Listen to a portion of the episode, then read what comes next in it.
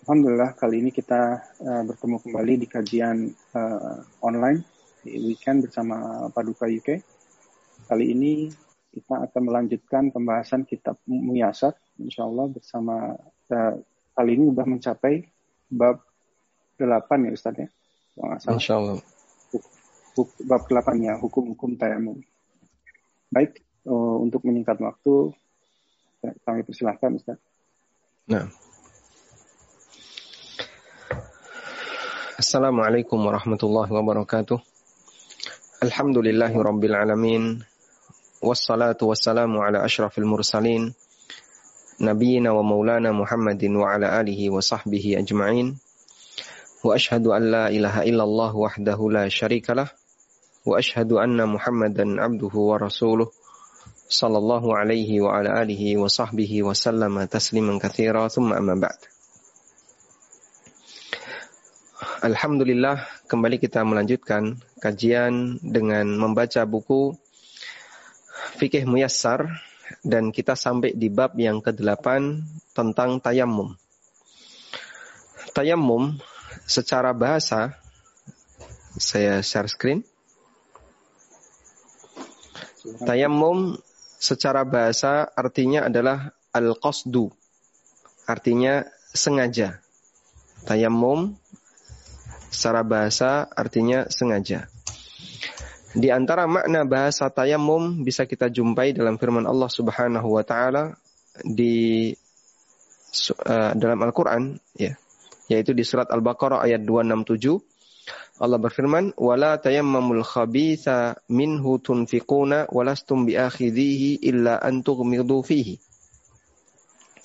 Allah taala berfirman, "Wala tayammamul khabith."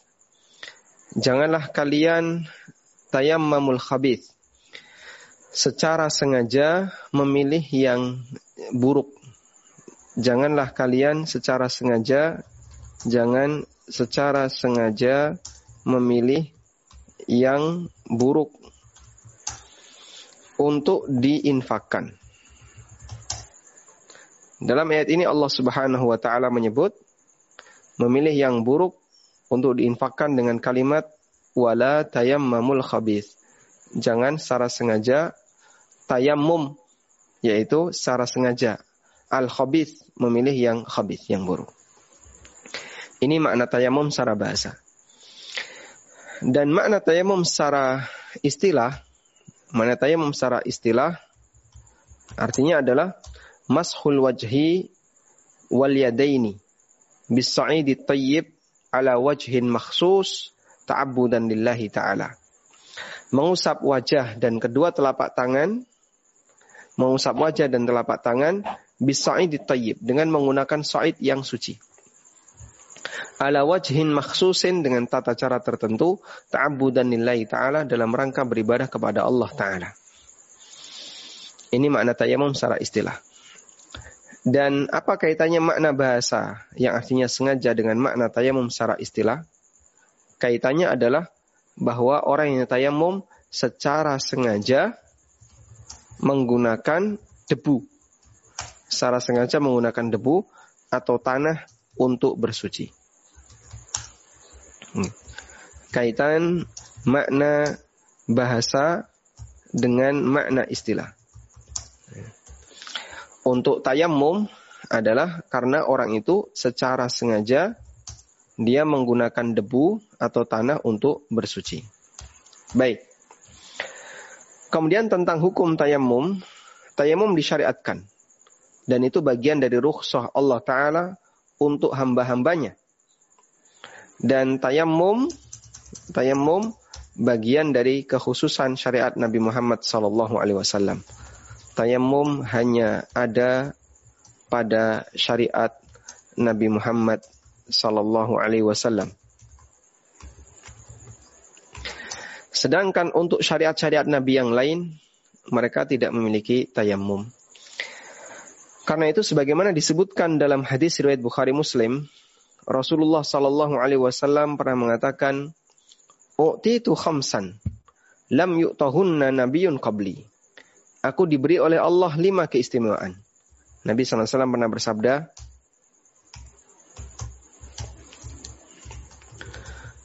aku diberi lima keistimewaan. Lam yu'tahunna nabiyun qabli. Yang itu tidak pernah diberikan kepada nabi-nabi sebelumku. Dan salah satu di antara lima keistimewaan itu kata beliau adalah wa ju'ilat li al-ardu masjidan wa tahura. Allah jadikan bumi sebagai masjid dan alat untuk bersuci. Nabi SAW mengatakan, wa ju'ilat li, coba kita kutipkan hadisnya, wa ju'ilat li al-ardu masjidan wa tahura. Dan bumi itu dijadikan untukku sebagai masjid dan alat untuk bersuci. Baik. Yang ini mengisyaratkan bahwa bagian dari keistimewaan Nabi Shallallahu Alaihi Wasallam adalah adanya bumi yang dijadikan sebagai media untuk bersuci dalam arti dipakai untuk tayamum. Sehingga dia bagian dari kekhususan umat Muhammad Sallallahu Alaihi Wasallam dan keringanan yang diberikan oleh Allah untuk para hambanya. Dan itu bagian dari kebaikan syariat Islam. Baik. Sehingga dari keterangan ini penulis menyimpulkan tayamum adalah rukhsah ya, keringanan dari Allah dan yang kedua dia kekhususan bagi umat Muhammad sallallahu alaihi wasallam. Dan yang ketiga itu bagian dari kebaikan syariat Islam. Karena itulah keberadaan tayamum akan memudahkan kaum muslimin untuk tetap menjaga kegiatan ibadah sekalipun dia dalam kondisi udur seperti orang yang sedang sakit atau orang yang tidak mendapatkan air. Kemudian tentang dalil tayamum dalam Al-Quran, ada di firman Allah surat Al-Ma'idah ayat yang ke-6. Dan sebenarnya dalilnya ada dua. Pertama ada di surat Al-Ma'idah. Yang kedua ada di surat An-Nisa. Allah Subhanahu wa taala mengatakan di surat An-Nisa ayat 43 dan Al-Maidah ayat 6. Di An-Nisa ayat 43 Allah taala berfirman, "Wa in kuntum marda aw ala safarin au jaa ahadum minkum minal ghaiti au lamastumun nisa falam tajidu ma'an fatayammamu sa'idan tayyiba famsahu biwujuhikum wa aydikum innallaha kana ghafurar rahima Apabila kalian sakit atau safar atau kalian baru saja keluar dari toilet, baru saja buang air atau setelah hubungan badan dengan wanita Falam tajidu ma'an, lalu kalian tidak menjumpai air. Fatayammamu sa'idan tayyiba, maka lakukanlah tayammum dengan menggunakan sa'id yang suci. Famsahu biwujuhikum wa aidikum. Usaplah wajah dan tangan kalian. Dalil dari Al-Quran. Untuk tayammum. Ada dua ya. Pertama ini ada di surat An-Nisa ada di surat An-Nisa ayat 43. Dan yang kedua, dalil yang semisal ada di Al-Maidah ayat yang ke-6. Falam tajidu ma'an fatayammamu sa'idan tayyiba famsahu biwujuhikum wa aydikum minhu. Ya. Kalau kalian tidak menjumpai air, tidak menjumpai air, maka bertayamumlah dengan menggunakan sa'id yang suci usapkan wajah kalian dan tangan kalian minhu dengan menggunakan sa'id itu. Ini ada di surat Al-Ma'idah ayat yang ke-6. Baik. Dan ini yang dikutip oleh penulis dari di kitab uh, Fikih Muyassar. Baik. Selanjutnya jamaah dimulakan Allah Subhanahu wa taala tentang sabab kenapa Allah Subhanahu wa taala mensyariatkan tayamum. Disebutkan dalam hadis dari Abu Sa'id Al-Khudri radhiyallahu anhu ada ceritanya ya. Bahwa Nabi Shallallahu alaihi wasallam pernah melakukan safar dan beliau mengajak Aisyah radhiyallahu anha. Dan beliau ketika safar sering sekali beliau mengajak istrinya. Bahkan diundi untuk menentukan siapa di antara istrinya yang diajak safar. Ketika safar ini beliau berangkat bersama Aisyah. Ketika beliau berangkat bersama Aisyah, Aisyah memakai kalung pinjem dari Asma bintu Abu Bakar. Sehingga pinjam dari saudaranya seayah. Karena Asma dengan Aisyah itu saudara seayah beda ibu. Pinjam dari saudaranya yaitu Asma. Ternyata ketika di perjalanan kalungnya Aisyah itu hilang. Akhirnya Nabi Shallallahu Alaihi Wasallam meminta kepada para sahabat sebelum kita lanjutkan perjalanan kita cari dulu kalungnya Aisyah. Masya Allah dicari cari cari, nggak ketemu, nggak ketemu. Padahal di situ ada Rasulullah SAW, ada Abu Bakar, ada sahabat-sahabat senior yang lainnya. Mereka berusaha untuk nyari kalung tadi, nggak ketemu. Ini bukan di jalan aspal, ini di padang pasir yang bisa jadi ketika benda berat itu jatuh, apalagi yang kecil, nanti diterpa angin, ketutup pasir. Maka sahabat ketika mencari ya, sambil apa um, menyingkap pasir, ya, sambil ngorek pasir, ya. Ngorek pasir bahasa Indonesia apa ya? ya? Mengais, mengais. Pokoknya dicari ya. Cari sampai akhirnya mereka putus asa. Masuk waktu sholat, mereka nggak punya air untuk wudhu. Akhirnya para sahabat banyak yang cengkel.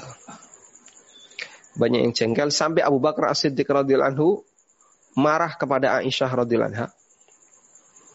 Lalu dia lalu beliau radhiyallahu anhu menemui Aisyah radhiyallahu anha. Kemudian Aisyah itu dicubit dengan cubitan yang sangat menyakitkan. Bapaknya yang nyubit. Nabi SAW ketika itu sedang tidur di pangkuan Aisyah. Apa kata Aisyah? Andaikan karena nggak khawatir ganggu Nabi SAW, saya itu mau teriak. Karena dicubit oleh ayahnya. Kenapa urusan kalung ya, sampai menyebabkan repot banyak orang?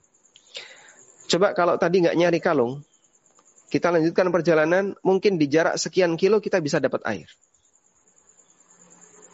Tapi gara-gara masalah kalung, sampai ini masuk waktu sholat dan kita tidak menjumpai air. Dan sahabat-sahabat sudah pada kerenengan. Ya. Kerenengan, apa kerenengan? Uh, ya sudah menyinggung kondisi Aisyah. Wah ini gara-gara, ini gara-gara, ini gara-gara. Ya meskipun mereka tidak berani tegas mengucapkan kayak gitu. Wah ini gara-gara kalung, ini gara-gara kalung. Baik.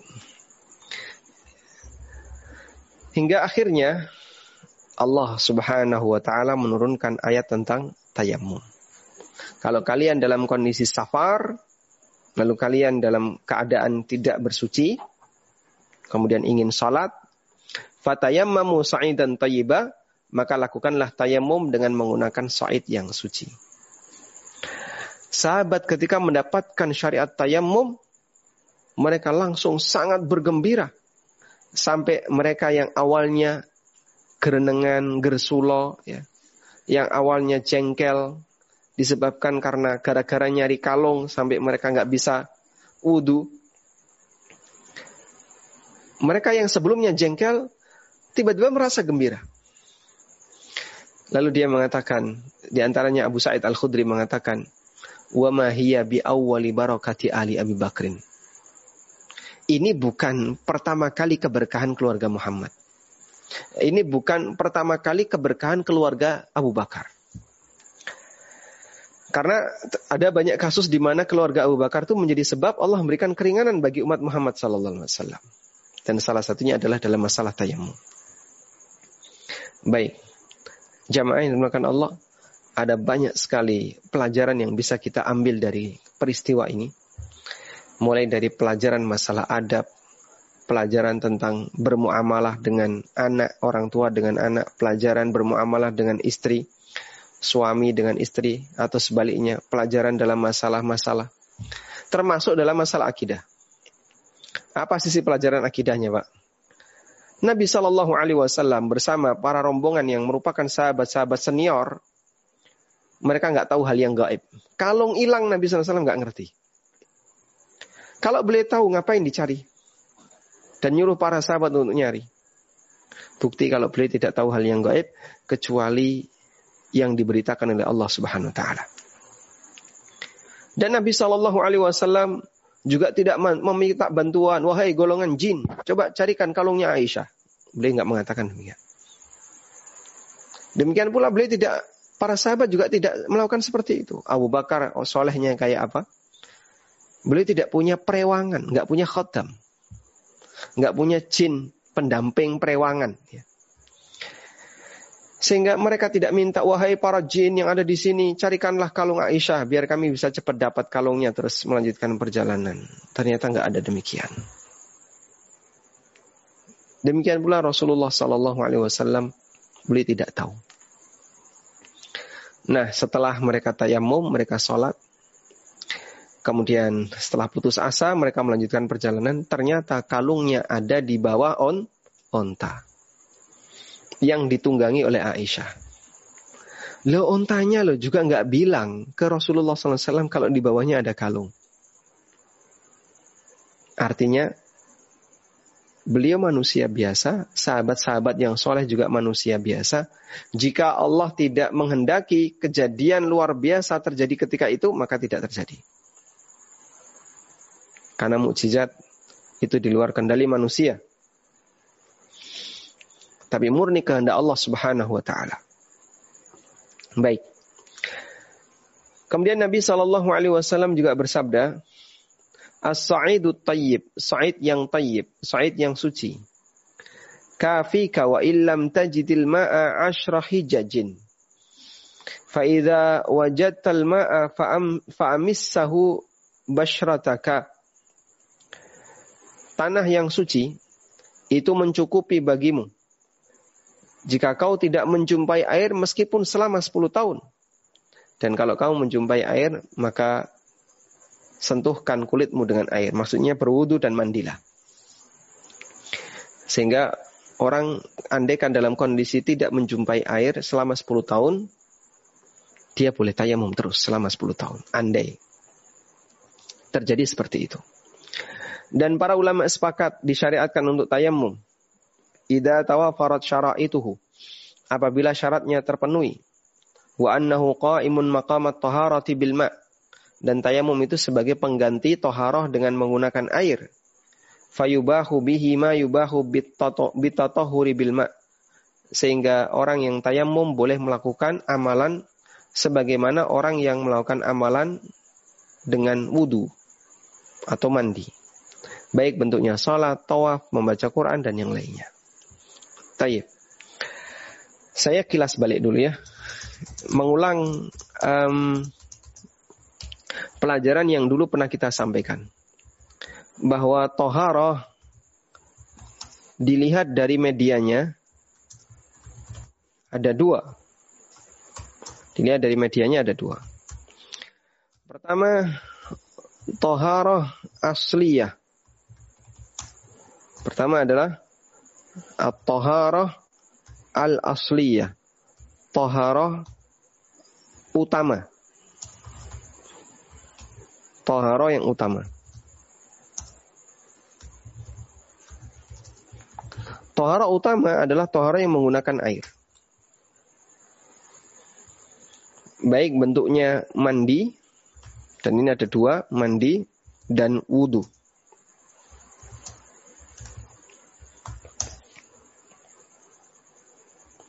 Yang kedua adalah toharo badaliyah.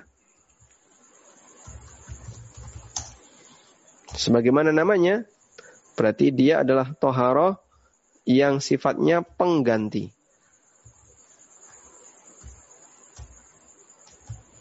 Ini toharoh pengganti.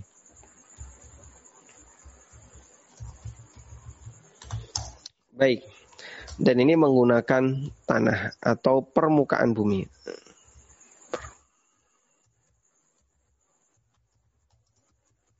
Baik.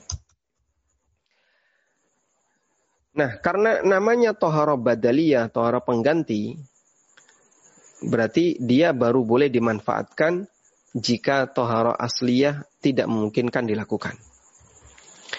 Tohara badaliyah hanya boleh dilakukan jika tidak memungkinkan melakukan toharoh asliyah. Jika tidak memungkinkan melakukan toharoh asliyah. Makanya ini harus ada sebab. Sehingga untuk melakukan toharoh badaliyah, sehingga untuk melakukan toharoh badaliyah harus ada sebab.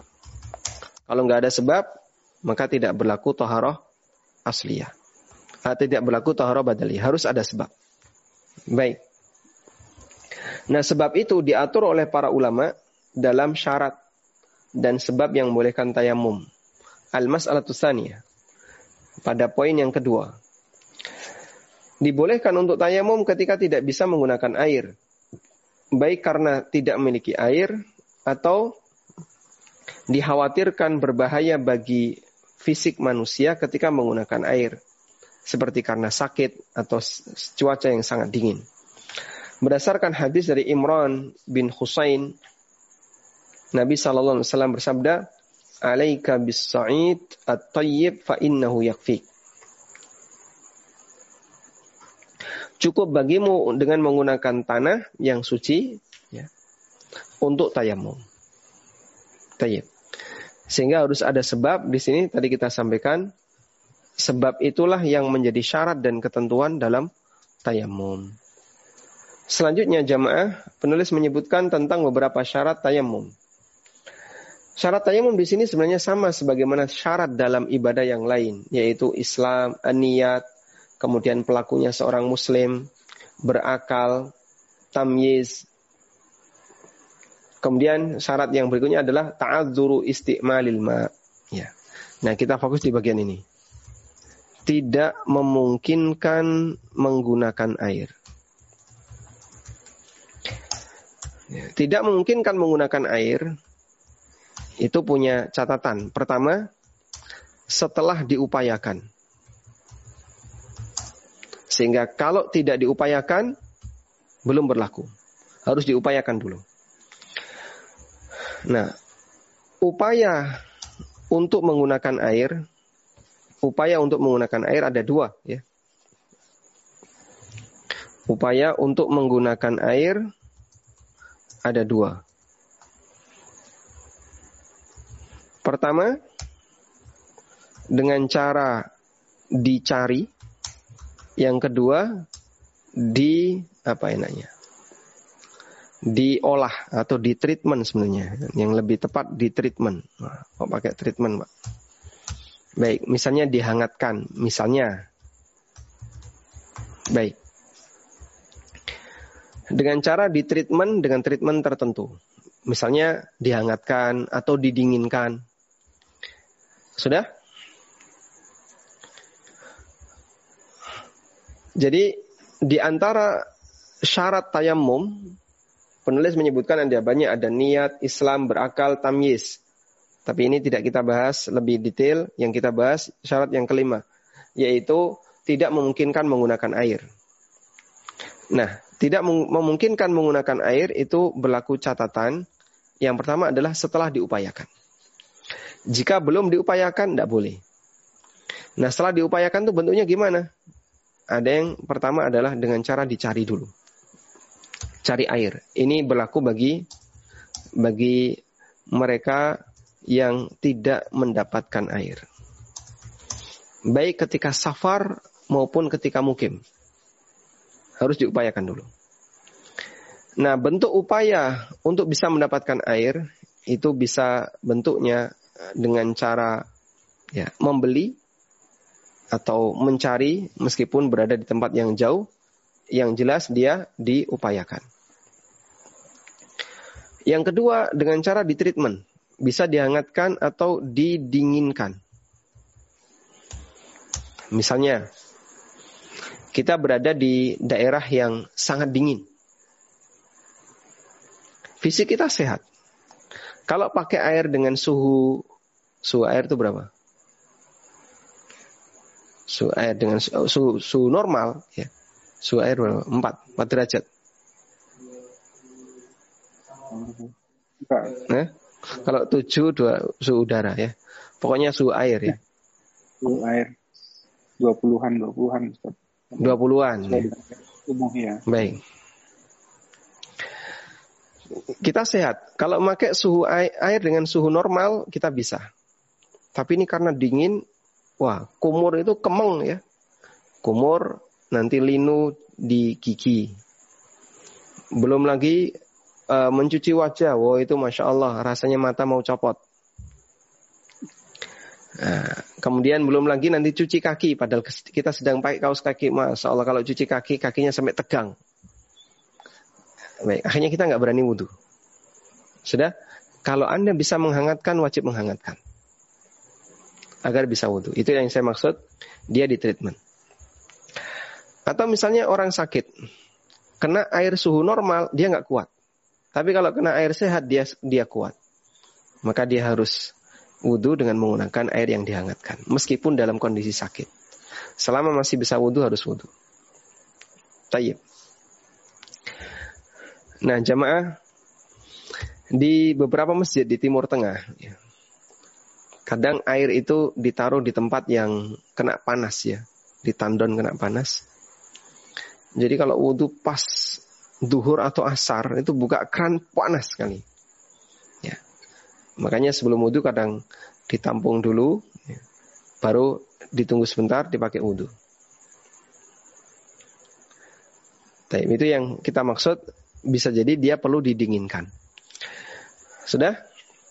Jadi tidak memungkinkan untuk menggunakan air itu catatannya adalah setelah diupayakan dan upaya dalam menggunakan air bisa dengan dicari terlebih dahulu baik dengan cara membeli atau mencari dengan cara yang lainnya. Yang kedua adalah di treatment, baik dengan cara dihangatkan atau didinginkan.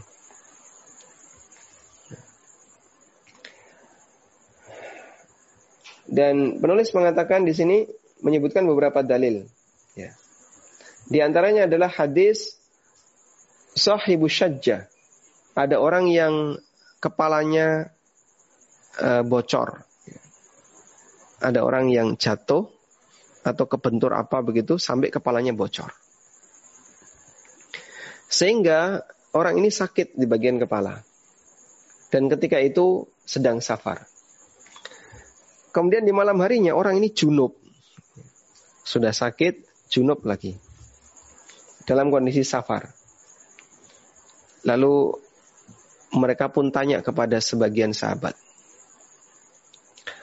Apakah saya sudah punya uzur untuk tidak mandi junub? Karena saya kepalanya bocor. Ya. Saya kepalanya bocor sehingga nanti kalau saya mandikan, ini akan kena air. Lalu sahabat ini mengatakan, Laisalaka udhurun, kamu nggak punya udhur. Dia berfatwa tanpa ilmu. Akhirnya sahabat yang kepalanya bocor ini berwud, uh, apa, mandi besar. Ya, dia dikeramasi. Setelah keramas, mati. Berita itu pun dilaporkan kepada Nabi Shallallahu Alaihi Wasallam dan beliau marah sampai beliau mengatakan, "Qataluhu, qatalahumullah." Semoga Allah Subhanahu wa taala qataluhu mereka telah membunuh orang itu. Semoga Allah taala membinasakannya. Jadi didoakan keburukan oleh Nabi SAW. Lalu beliau mengatakan, Halla sa'alu idha lam ya'lamu. Kenapa enggak tanya kalau enggak ngerti masalah agama? Jangan main berfatwa. Innama syifa'ul ayyis su'al. Karena obat kebodohan adalah dengan tanya. Kalau enggak ngerti, jangan nekat. Tanya. Sehingga sampai sahabat itu mati. Disebabkan karena uh, dia tidak dianggap tidak punya uzur untuk tayamum dalam kondisi junub. Kemudian juga disebutkan dalam hadis yang lain dari sahabat Amr ibn As radhiyallahu anhu. Ketika beliau diutus oleh Nabi SAW untuk menjadi panglima perang Zatus Salasil. Qala kata Amr, ihtalam tu fi lailatin barida. Aku mimpi basah di malam yang sangat dingin. Syadidat al-barat, yang sangat dingin. Dan kita tahu Jazirah Arab mengikuti empat musim. Ya. Fa ashfaqtu in igtasaltu an ahlaka. Dan saya khawatir kalau saya mandi nanti saya mati. Tu maka saya pun tayammum. Wa itu bi ashabi salat subuhi dan saya salat subuh bersama para sahabat. Sehingga di situ uh, sahabat Abdullah, sahabat Amr bin As, beliau tayammum karena nggak kuat dingin. Ketika sampai di, di Madinah, Nabi SAW bertanya, loh kenapa kok kamu melakukan tayammum? Padahal masih punya air. Dan alasannya karena dingin. Apa jawaban, jawaban sahabat Amr ibn As? Beliau mengatakan, karena Allah Ta'ala berfirman, wala tulqu bi aidikum ila tahluka. Jangan kau binasakan dirimu, jangan kau jerumuskan dirimu ke dalam kebinasaan. Kemudian dipuji oleh Nabi Shallallahu Alaihi Wasallam dengan jawaban ini. Baik. Berikutnya, di antara ketentuan tayamum, ya, Selain tidak mungkin kan menggunakan air, yang kedua yang dibahas oleh penulis adalah menggunakan turab yang suci. Menggunakan tayamum harus menggunakan permukaan bumi yang suci. Sebagaimana yang Allah firmankan dalam Al-Quran, Fatayammamu sa'idan tayyiba. Lakukanlah tayammum dengan menggunakan sa'id yang suci. Coba kita buka di sini. Lakukanlah tayammum dengan menggunakan sa'id yang suci.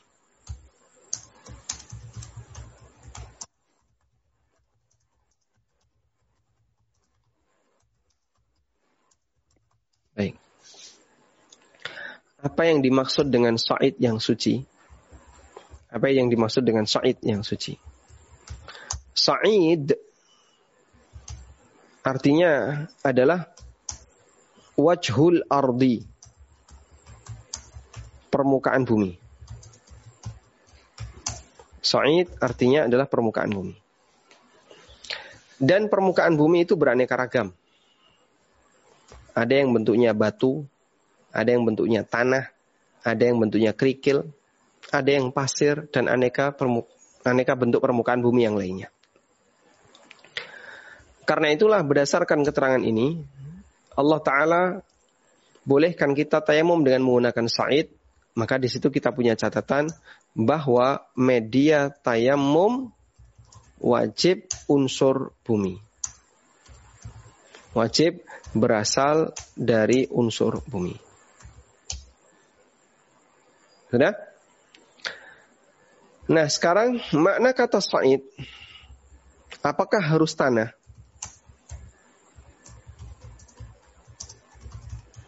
Apakah harus tanah? Ulama khilaf dalam masalah ini. Ada perbedaan pendapat dalam masalah ini. Sebagian ada yang mengatakan harus tanah. Dan sebagian ada yang mengatakan tidak harus tanah. Kebalikannya ya. Sebagian ada yang mengatakan tidak harus tanah. Dan pendapat ini yang lebih mendekati. Baik. Apa sih bedanya tanah dan bukan tanah?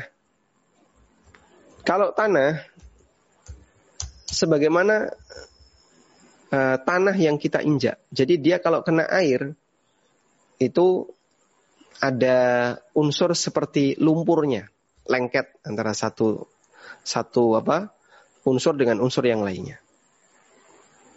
Makanya Allah Subhanahu wa taala menyebut Adam itu diciptakan dari uh, tanah min turabin dan kemudian dia berubah menjadi kalfahar.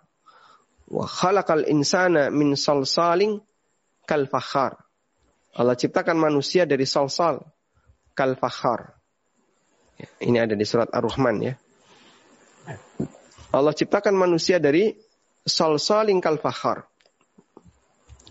Apa yang dimaksud dengan salsaling kal fakhar? Yang itu merupakan asal muasal penciptaan Adam. Salsaling kal fakhar artinya adalah manusia itu diciptakan dari tanah kering seperti tembikar.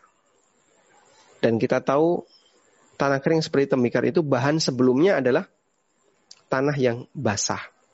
Kemudian dia uh, apa? Ketika mengering, dia mengeras sebagaimana layaknya tembikar. Allah juga mengatakan min sulalatin mintin. Min sulalah mintin. Dari sulalatin mintin. Walaqad khalaqnal insana min sulalatin mintin. Ada di surat Al-Mu'minun ayat 12. Apa yang dimaksud dengan sulalatin mintin? Sulalatin mintin maknanya adalah sesuatu yang berasal dari saripati, atin tanah. Sehingga dia ketika dikenai air itu uh, seperti ada yang menggenang. Baik, itulah yang dimaksud dengan turab. Dan Allah nyatakan dalam Al-Quran bahwasanya Adam itu diciptakan dari turab. Nah, turab itu berarti tanah ini, turab. Nah, apakah tayamum harus menggunakan turab yang di situ mengandung seperti ada lumpurnya kalau kena air jadi becek? Ataukah tidak harus tanah, tidak harus turab? Pendapat yang lebih kuat tidak harus. Karena itu, ya, boleh tayamum dengan pasir. Dan pasir itu bukan turab. Anda bisa ngambil pasir ya di pantai pasir, saya sebut pasir, pasir jangan yang ada lempungnya. Ambil pasir di pantai. Sekarang kasih air dia. Ketika dikasih air, apakah dia seperti lumpur? Tidak. Air itu langsung meresap ke bawah. Kalau lumpur mungkin masih menggenang dulu, baru nanti lambat-lambat laun meresap. Ya. Dan insya Allah pendapat kedua ini yang lebih mendekati karena yang dimaksud turab adalah wajhul ardi semua permukaan bumi. Sehingga orang boleh tayamum dengan menggunakan batu, tayamum dengan menggunakan unsur-unsur bumi yang lain. Baik. Berikutnya, yang ketiga. Benda sintetis yang bukan dari unsur bumi tidak bisa digunakan untuk tayamum. Misalnya apa Pak? Benda sintetis yang bukan unsur bumi tidak bisa digunakan untuk tayamum. Ya, misalnya plastik, kain, kemudian apa lagi? Uh, jok-jok mobil dan seterusnya. Itu adalah benda sintetis yang dia bukan bagian dari unsur bumi. Ya, benda seperti ini nggak bisa dipakai untuk tayamum karena syarat tayamum harus menggunakan sa'i dan tayyibah, tanah yang atau permukaan bumi yang suci. Sehingga benda yang dia sifatnya sintetis tidak berasal dari bumi, ya, maka dia uh, bukan termasuk benda yang bisa digunakan untuk tayamum. Baik. Karena itu begini, ada, ada pertanyaan. Kalau kita menepuk tangan kita di jok pesawat, ada tempelan debu kan di situ. Boleh nggak dipakai tayamum? Coba Anda lihat debu apa itu? Ya potongan-potongan kain, Pak. Itu debu kain, bukan debu bumi. Nggak bisa dipakai tayamum. Sehingga kenapa kita tidak membolehkan tayamum di pesawat? Karena di pesawat kita nggak bawa debu. Nggak bawa unsur bumi, maksud saya. Dan kalau bertep, uh, ditepukkan di jok atau apalagi di uh, apa di bagasi dalam ya, di kabin, Anda oleskan atau Anda tepukkan tangan, usap-usapkan tangan itu, nggak ada apa-apa. Ini nggak boleh nggak boleh dipakai untuk tayamum. Karena dia bukan unsur bumi. Lain dengan tembok. Nabi SAW pernah tayamum dengan tembok. Karena tembok bahannya berasal dari unsur bumi, bebatuan, ya, tanah, pasir dan seterusnya. Baik. Karena itulah jika di satu tempat orang tidak bisa mendapatkan ya, orang tidak bisa mendapatkan unsur bumi. Di sini ada satu konsekuensi.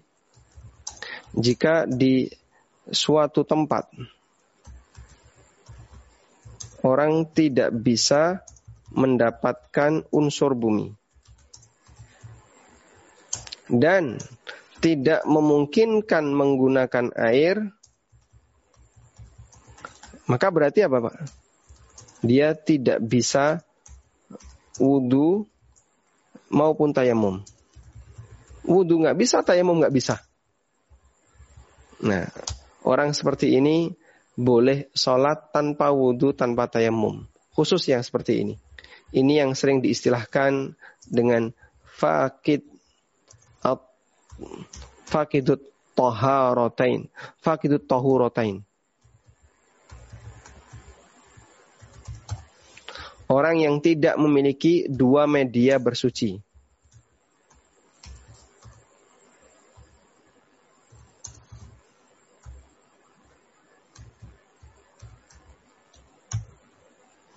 Orang yang tidak memiliki dua media bersuci.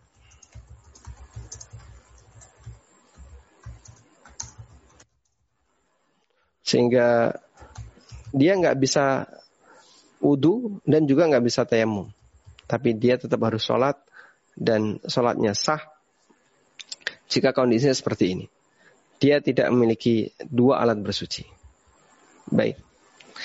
Contohnya di mana sih Pak orang yang kondisinya kayak gini? Contohnya misalnya di atas bis. Bis umum. Nggak ada toiletnya. Nyuruh berhenti kayaknya nggak mungkin. Apalagi ini jarak jauh. Terus kita mau sholat nepuk ke kaca, oh kaca itu benda benda apa sintetis. Bisnya bersih. Ada debu tapi di luar kaca. Ngambil debu di luar kaca kan tidak bisa. Karena dibuntu. Maka dalam kondisi seperti ini, jika dia nggak bisa wudhu, maka dan dia nggak bisa tayamum, maka dia boleh sholat tanpa wudhu, tanpa tayamum. Dan sebenarnya kalau kita bisa berwudhu dengan air yang sedikit, insya Allah uh, masih ada peluang. Saya pernah naik dari Jogja ke Surabaya ya. Langganan saya adalah Sumber Kencono. Hmm. Cepat tur murah. Jadi di bis itu biasanya prediksi saya berangkat jam 11 malam subuh sampai Surabaya. Ternyata bis ini lambat. Sehingga sampai di terminal Surabaya kurang lebih jam 7. Akhirnya kita uh, ketemu waktu subuh di sekitar daerah mana itu ya? Ya, yang jelas jauh sebelum Surabaya. Masya Allah, tayamum tidak bisa. Nggak mungkin kita nyuruh Pak, tolong berhenti sejenak ke masjid, saya mau wudhu atau sholat. Nggak mungkin.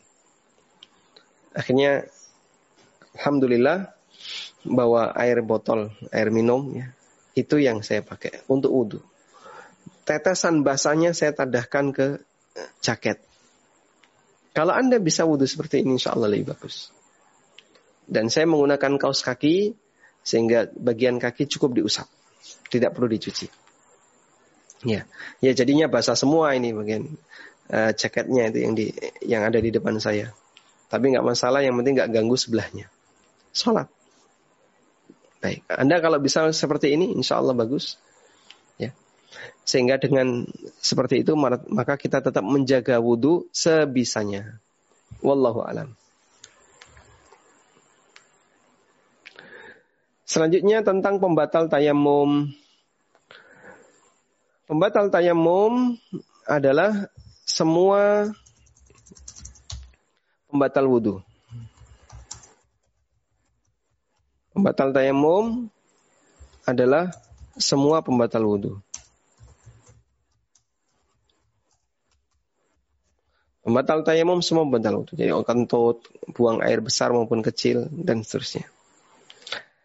Yang kedua, wujudul ma ada air.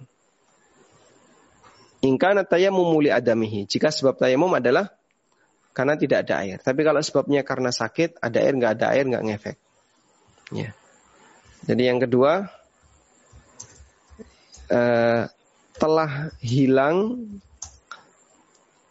uzur untuk tayamum. Ya. Uzur untuk tayamum telah hilang.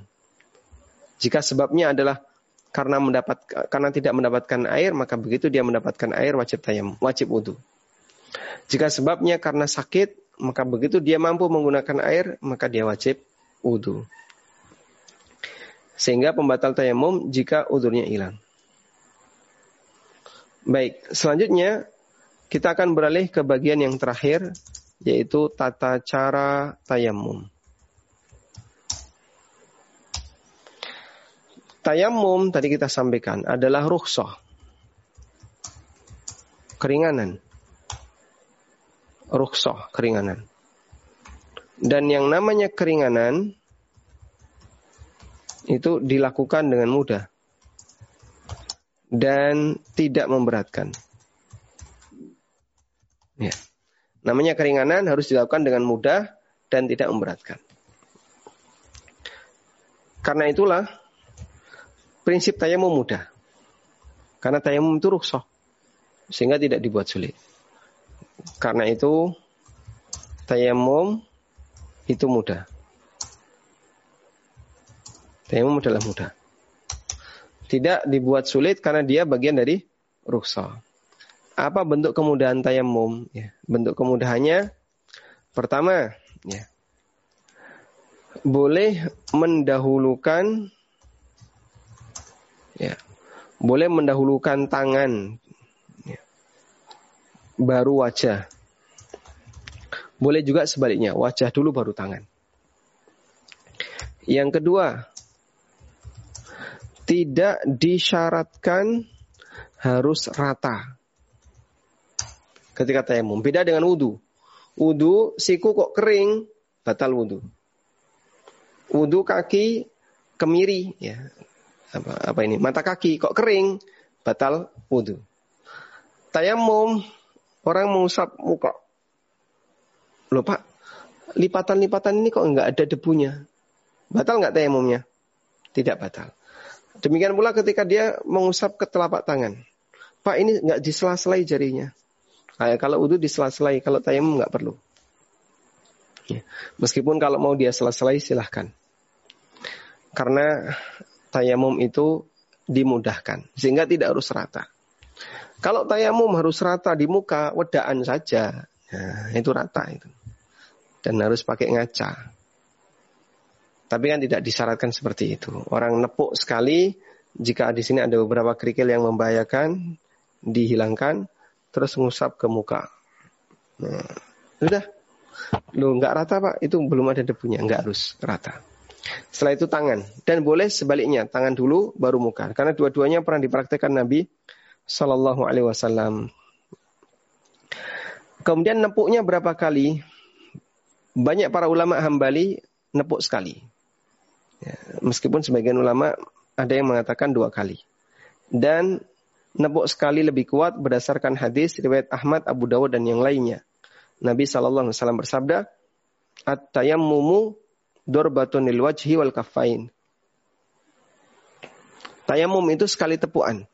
Dia dipakai untuk wajah dan dua telapak tangan. Juga disebutkan dalam hadis dari Ammar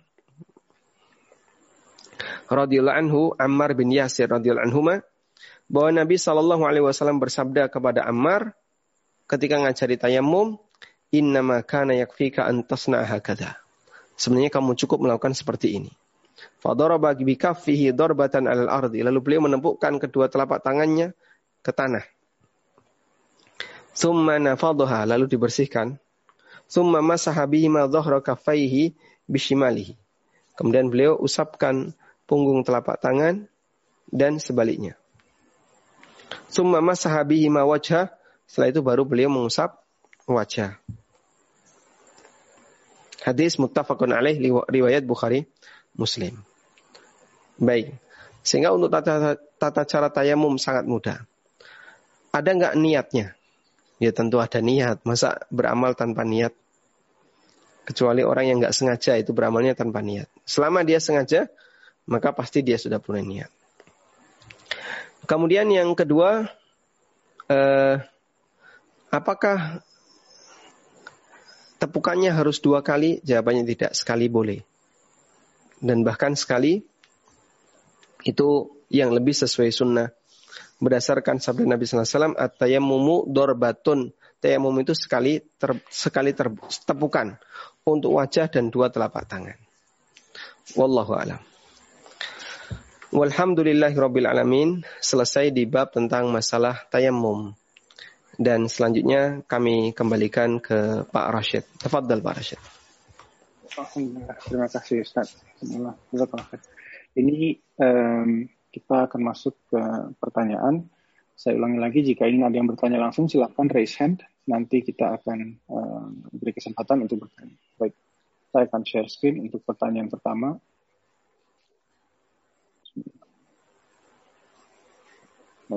Pertanyaannya Ustaz, Assalamualaikum. Uh, kalau ada air hangat, tapi suhu rumah terlalu dingin, sehingga untuk jalan ke kamar mandi juga terlalu dingin, bolehkah bertayamum atau bolehkah wudhu menggunakan air, tapi untuk kaki hanya mengusap kaus kaki dan lengan baju tidak diangkat sampai siku. Maksudnya tidak dibasuh sampai siku ya mungkin. Baik. Uh, kita nggak kebayang kondisinya. Jalan dari kamar ke kamar mandi sangat dingin ya. Di London oh. memungkinkan tuh bisa kalau kita tinggal kalau kamar mandinya sharing pak. Hmm. Jadi harus keluar kamar lalu berjalan ke, ke kamar mandi untuk tidur. Nanti keluar di rumah dulu. Di dalam ruang dalam gedung tapi harus jalan dulu keluar kalau misalnya in the kosan. Oh siap. Kamar mandi Baik. tidak di dalam. Baik. Jika memang demikian, wallahu taala alam, kalau itu bisa membahayakan bagi Anda karena Anda harus keluar dari kos kemudian menuju kamar mandi sehingga kamar mandi di luar ya. Um, jika itu membahayakan bagi Anda, maka insya Allah tidak masalah tayamum. Tapi kalau masih memungkinkan untuk keluar, karena di situ ada ada air, maka Anda harus tetap keluar. Meskipun dengan menggunakan selimut yang tebal atau jaket hanya untuk ngambil air terus dimasak di dalam kamar masing-masing. Baik, yang seperti ini sebenarnya kembali kepada uh, ukuran apakah ini membahayakan bagi pribadi ataukah tidak. Sahabat Amr Ibn As, beliau kenapa kok tidak menghangatkan air? Karena beliau sedang safar. Dan orang yang sedang safar sulit untuk menghangatkan air. Harus daden dulu ya buat api dulu baru kemudian masak airnya kecuali kalau misalnya sahabat bareng-bareng melakukan itu. Nah ini kalau beliau sendirian bisa jadi itu akan berbahaya bagi beliau atau terlalu lama waktunya. Baik. Wallahu alam. Insya Allah cukup jelas ya Alhamdulillah. Selanjutnya yang bertanya langsung Mbak Tati, silakan. Ya, Ya, oke. Okay. Bismillah. Assalamualaikum. Uh, Waalaikumsalam warahmatullahi uh, Saya sering ke rumah sakit dan uh, kebetulan saya sering operasi. Waktu kaki saya dioperasi uh, karena uh, knee operation, badan lainnya sangat sehat. Cuma uh, kita tidak bisa gerak aja. Air ada. Terus dalam posisi begitu itu, apakah uh, saya tetap harus berwudu atau saya boleh uh, tayamum? Kan ada tembok di sekitar uh, kamar di rumah sakit itu. Dan hmm. uh, kalau toh itu harus tayamum, tapi kalau memang harus wudu kakinya kan uh, dibalut. Uh, jadi saya selalu bingung begitu itu. Uh, tolong uh, dijelaskan. Jazakumullah khairan. Wa jazakumullah khairan. Baik. Yang pertama, ketika ada salah satu di antara anggota badan kita yang dibalut, ulama khilaf apakah itu perlu diusap ataukah tidak. Namun mereka dengan tegas mengatakan jika anggota badan yang lain masih sehat, maka anggota badan yang lain tetap harus diwudukan. Sehingga wajah masih bisa kena air, tangan bisa kena air, kaki yang satu bisa kena air, yang satunya nggak bisa karena dibalut, maka cukup diusap permukaannya. Nah, selanjutnya, gimana kalau kita nggak bisa gerak di rumah sakit? Maka pertanyaannya, bisa nggak minta bantuan orang lain untuk wudhu? Bisa. Nah, kalau masih di ukuran bisa, maka itu um, bagian dari upaya, ya, bagian dari upaya untuk pengadaan air. Misalnya ada keluarga yang nungguin. Alhamdulillah, sehingga pada saat waktu sholat Anda minta tolong ambilkan air di kamar mandi, seember misalnya. Oke, seember kebanyakan ya, satu gayung. Terus Anda berwudu. Bisa juga menggunakan spray, nanti disemprot dalam jumlah yang lebih banyak. Pak, nanti basah dong kasurnya. Siapkan handuk yang kira-kira kalau basah nggak masalah. Nah, barangkali sebagai apa? Uh, sebagai penanggulangan agar tidak terlalu sering seperti ini, mungkin Anda bisa lakukan jamak suri. Kelihatannya jamak padahal aslinya bukan jamak. Sholat duhur diakhirkan, mendekati asar. Begitu selesai sholat duhur, tunggu sebentar lagi asar. Terus langsung sholat asar. Dengan wudhu satu. Dengan cara itu Anda akan menghemat mungkin anda butuh wudhu hanya tiga kali dalam sehari. Sebelum duhur yang diguna, yang sengaja dimempetkan dengan asar. Kemudian sebelum uh, isya, maghribnya karena secara sengaja di, agak diakhirkan. Begitu selesai maghrib langsung masuk isya. Dan sebelum subuh. Hanya tiga tempat ini Anda berwudhu. Selain itu tidak perlu, Anda boleh tidak wudhu. Nah, maka di tiga tempat ini, ketika Anda berwudhu, um, di posisi ini jika masih bisa menggunakan air harus menggunakan air dan tidak boleh tayamum. Wallahu alam. Jazakallah khairan. Tadi ada um, kelupaan ya tentang bolehkah mengusap kaos kaki. Jawabannya boleh. Tapi sebelumnya sebelum Anda pakai kaos kaki harus sudah wudhu dulu. Wudhu sempurna, kaki dicuci, terus pakai kaos kaki. Nah, selanjutnya wudhu berikutnya cukup diusap dan masanya hanya sehari semalam. Ya, jika sudah habis masanya, wudhu lagi dengan sempurna, cuci, kaki dicuci, terus pakai kaos kaki. Oke. Okay. Wallahu alam. Um, ini pertanyaan sebelum ke penanya yang langsung, saya akan coba menanyakan yang menitip. Saya coba share. Assalamualaikum, Ustaz. Saya berangkat dari rumah setelah Qadarullah karena macet, ketika masuk asar, saya masih di jalan dan belum tiba di, di tujuan. Hingga mendekati sholat maghrib. Apakah pada saat itu saya boleh bertayamum karena sudah batal untuk sholat di sholat asar di mobil dan tidak bawa air? Baik. Anda boleh tayamum dengan cara menepi, ya. Sehingga Bapak menepi terlebih dahulu. Setelah itu, jika ada air, bisa jika beli air, bisa beli air, silakan beli air. Kalau nggak bisa, ya, silahkan tayamum dengan menggunakan tanah. Terus sholat di atas kendaraan. Jika Anda bisa sholat um, di atas tanah sehingga sambil berdiri, Anda harus sholat di atas tanah sambil berdiri. Kalau nggak bisa, silahkan sholat di kendaraan sebisanya. Wallahu alam.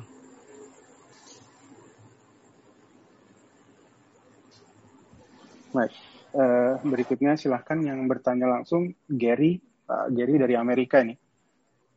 Di unmute.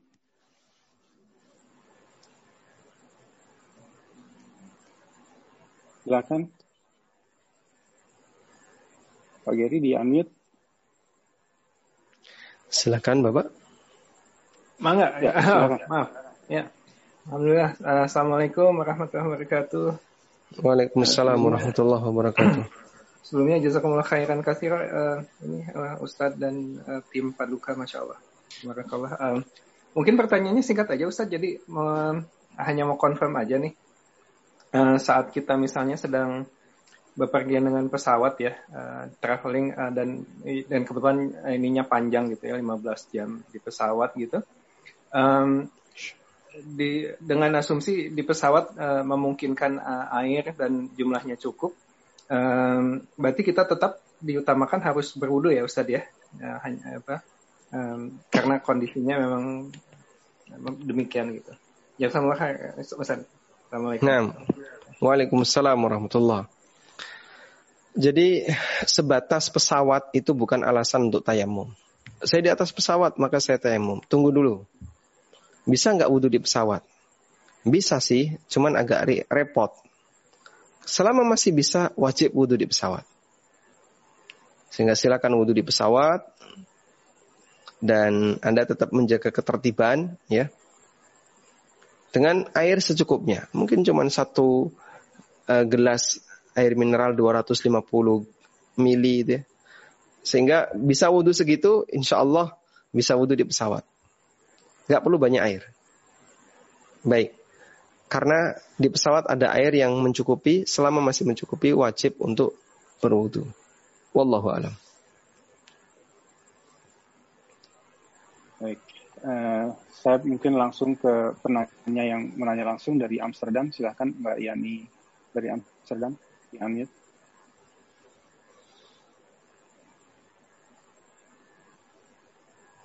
Silahkan.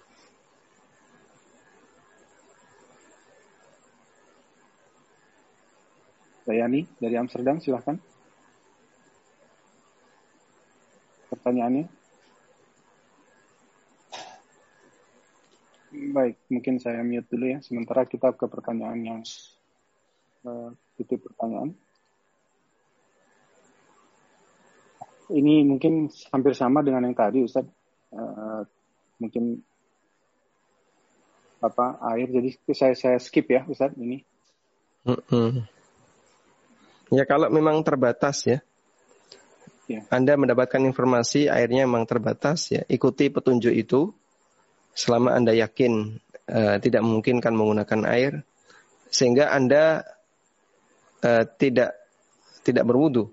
Terus apakah boleh tayamum? Maka pertanyaannya media apa yang bisa digunakan untuk tayamum di atas pesawat? Jok, ya. kaca, eh, kok kaca, uh, jendela, atau apa dinding pesawat. Padahal semuanya bahan sintetis. Itu bukan unsur bumi.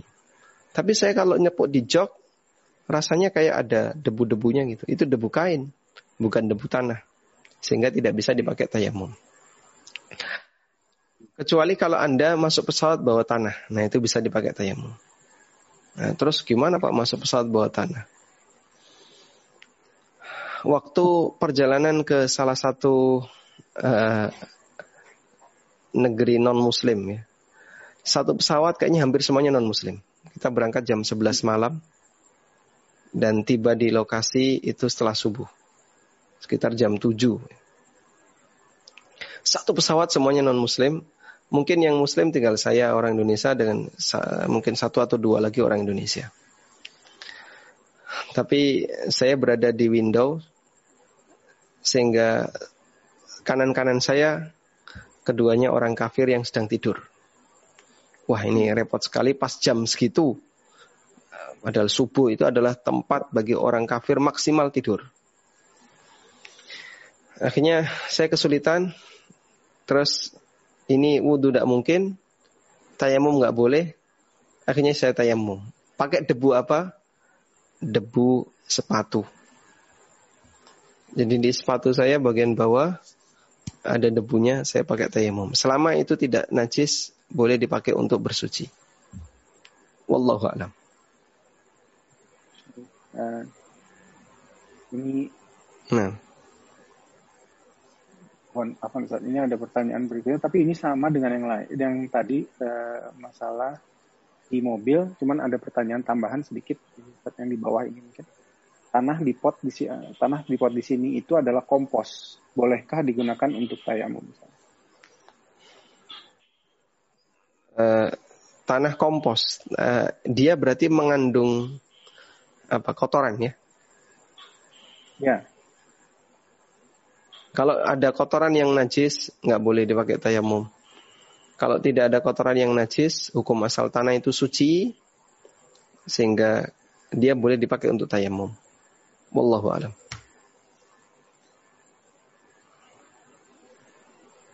Jadi kalau sebatas kompos, insya Allah tidak mempengaruhi posisi karena dia masih tanah.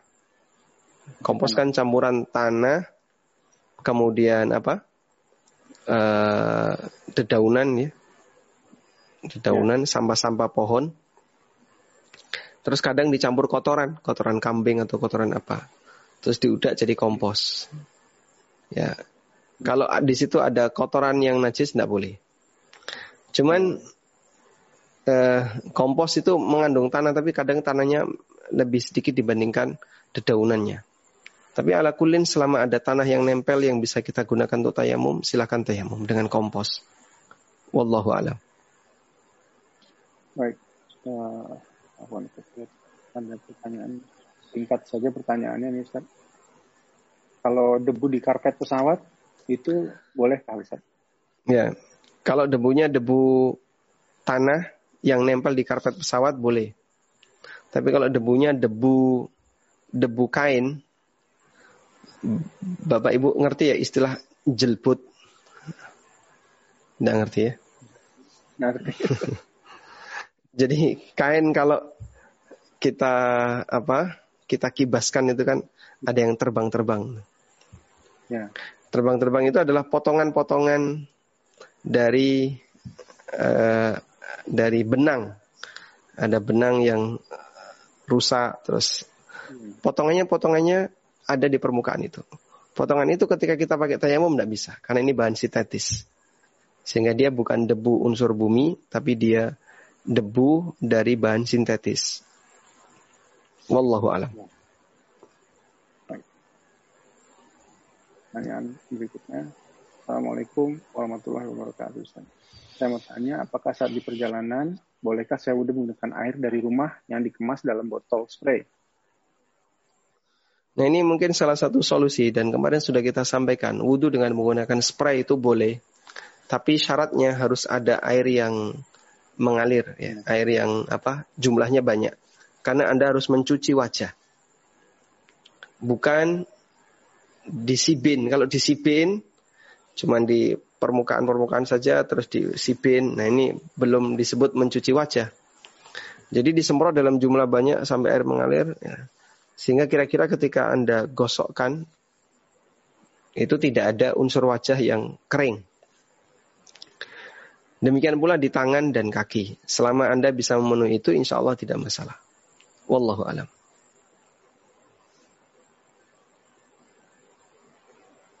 Baik. Afwan, barusan dimit. Eh, pertanyaan yang sesuai dengan topik sudah selesai, Ustaz, sudah habis. Tapi ada dua pertanyaan yang di luar topik. Bagaimana Ustaz? Apakah Baik, boleh. Boleh. Hmm. Pertama ini, Assalamualaikum Ustaz. Bagaimana hukumnya berburu seperti menembak burung, memanah? Mohon penjelasannya dan dalilnya. Assalamualaikum. Waalaikumsalam warahmatullah. Berburu dihalalkan oleh Allah Subhanahu wa taala dalam Al-Qur'an wa khilla lakum saydul bahri wa ta'amuhu mata'an lakum wa lisayyarah dan dihalalkan bagi kalian buruan laut. Coba kita buka ayatnya. Saydul bahri. Ukhilla lakum saydul bahri wa ta'amuhu mata'an lakum wa lisayyarah. Wa khurrima alaikum saydul barri ma dumtum huruma ada di surat Al-Maidah ayat 96. Saya share screen. Di surat Al-Maidah ayat 96 Allah Subhanahu wa taala mengatakan Uhilla lakum saydul bahri. Dihalalkan bagi kalian buruan laut. Wa ta'amuhu demikian pula makanan dari laut, maksudnya adalah bangkainya mata'allakum walisayyara sebagai kenikmatan bagi kalian dan untuk perjalanan.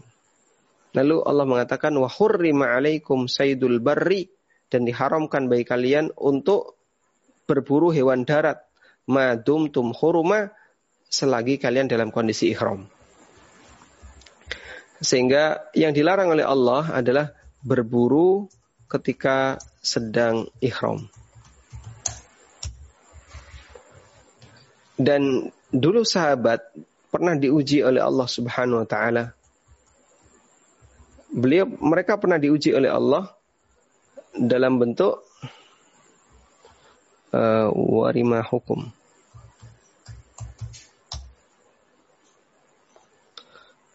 Dalam bentuk binatang buruan yang gampang untuk diambil. Jadi kita coba lihat bercerita tentang ini dulu ya. Ya ayyuhalladzina amanu, wahai orang-orang yang beriman. La yabluwannakumullahu bisyai'im minas sayd. Allah Ta'ala akan menguji kalian dalam bentuk binatang buruan. Tanaluhu rima tanaluhu aidikum wa rimahukum. Yang itu bisa didapatkan dengan ditangkap langsung pakai tangan kalian atau pakai senjata kalian. Liya'lamallahu may bil ghaib agar Allah melihat siapakah di antara hambanya yang takut kepada Allah bil ghaibi padahal dia tidak ketemu Allah. Nah, ayat ini berbicara tentang ujian yang diberikan oleh Allah kepada para sahabat. Jadi sahabat ikhram dari Dhul Khulaifah sampai ke Mekah, jaraknya 450 kilo. Perjalanan memakan waktu kurang lebih antara 5 sampai 7 hari. Di perjalanan diuji oleh Allah ada banyak sekali binatang buruan. Entah bentuknya burung, kelinci, ya, kijang, maupun hewan-hewan yang halal yang yang lainnya. Yang itu bisa diambil pakai tangan. Jadi ditangkap itu bisa. Itu ujian. Tapi sahabat berhasil, Masya Allah. Mereka tetap komitmen dengan ikhramnya dan nggak ngambil binatang buruan itu. Ini sangat berbeda dengan Bani Israel. Bani Israel mereka diuji oleh Allah. Hari Sabtu nggak boleh nangkap ikan. Ya, ternyata mereka melanggar. Lalu oleh Allah Subhanahu Wa Taala mereka dijadikan sebagaimana kera dan babi. Terus mereka mati. Baik, ini semuanya adalah dalil bolehnya berburu dalam Islam. Dan dulu ada sahabat yang ahli dalam berburu namanya Adi bin Hatim. Wallahu alam.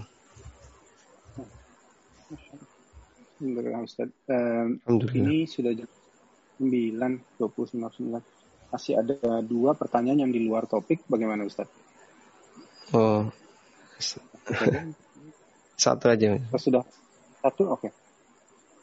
Okay. Assalamualaikum. Uh, ini bertanya mengenai akikah. Hukum untuk akikah sunnah. Dan apabila waktu dulu orang tua kita tidak punya dana untuk akikah dan anak banyak, sedangkan kita baru tahu waktu punya anak, bahwa kita sendiri belum di akikoh, apakah kita harus juga akikoh untuk diri kita sendiri? Ya. Waalaikumsalam warahmatullahi wabarakatuh. Tanggung jawab akikah itu adalah tanggung jawab orang tua. Sehingga eh, ketika orang tuanya mampu maka dia harus mengakikoi anak. Dan ulama beda pendapat apakah akikah itu wajib ataukah tidak wajib. Dan pendapat yang lebih tepat, yang lebih kuat tidak wajib. Baik. Nah, tentang akikoh untuk anak yang itu merupakan tugas orang tua. Jika orang tua tidak mampu bagaimana? Kalau nggak mampu, maka dia uh, gugur tugas akikohnya sampai anak itu balik. Sehingga misalnya ketika lahiran tidak mampu. Sampai anak di usia 2 tahun, 3 tahun tidak mampu sampai usia lima tahun tetap belum mampu. Ketika anak ini balik, rizkinya semakin banyak, dia baru mampu untuk akikah. Maka anak yang sudah balik ini, karena sudah balik selesai masanya. Kamu nggak perlu mengakikoi. Tapi kalau dia belum balik, silahkan diakikoi. Meskipun jaraknya cukup lama. Nah, kemudian, uh, bolehkah mengakikoi diri sendiri? Jawabannya ulama khilaf, tapi pendapat yang kuat boleh. Namun itu tidak uh, tidak wajib dalam arti tidak sebagaimana mengakikoi anak. Karena itu jika Anda mau mengakikoi diri sendiri silahkan, tidak juga silahkan.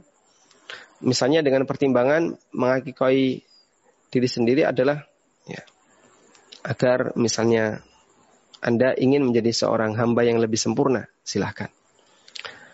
Wallahu ta'ala alam. Baik, demikian yang bisa kita sampaikan. Semoga menjadi kajian yang bermanfaat. Terima kasih atas kesempatan yang diberikan. Dan mohon doanya dari teman-teman terutama Anda yang saat ini sedang safar dan doanya musafir termasuk doa yang mustajab.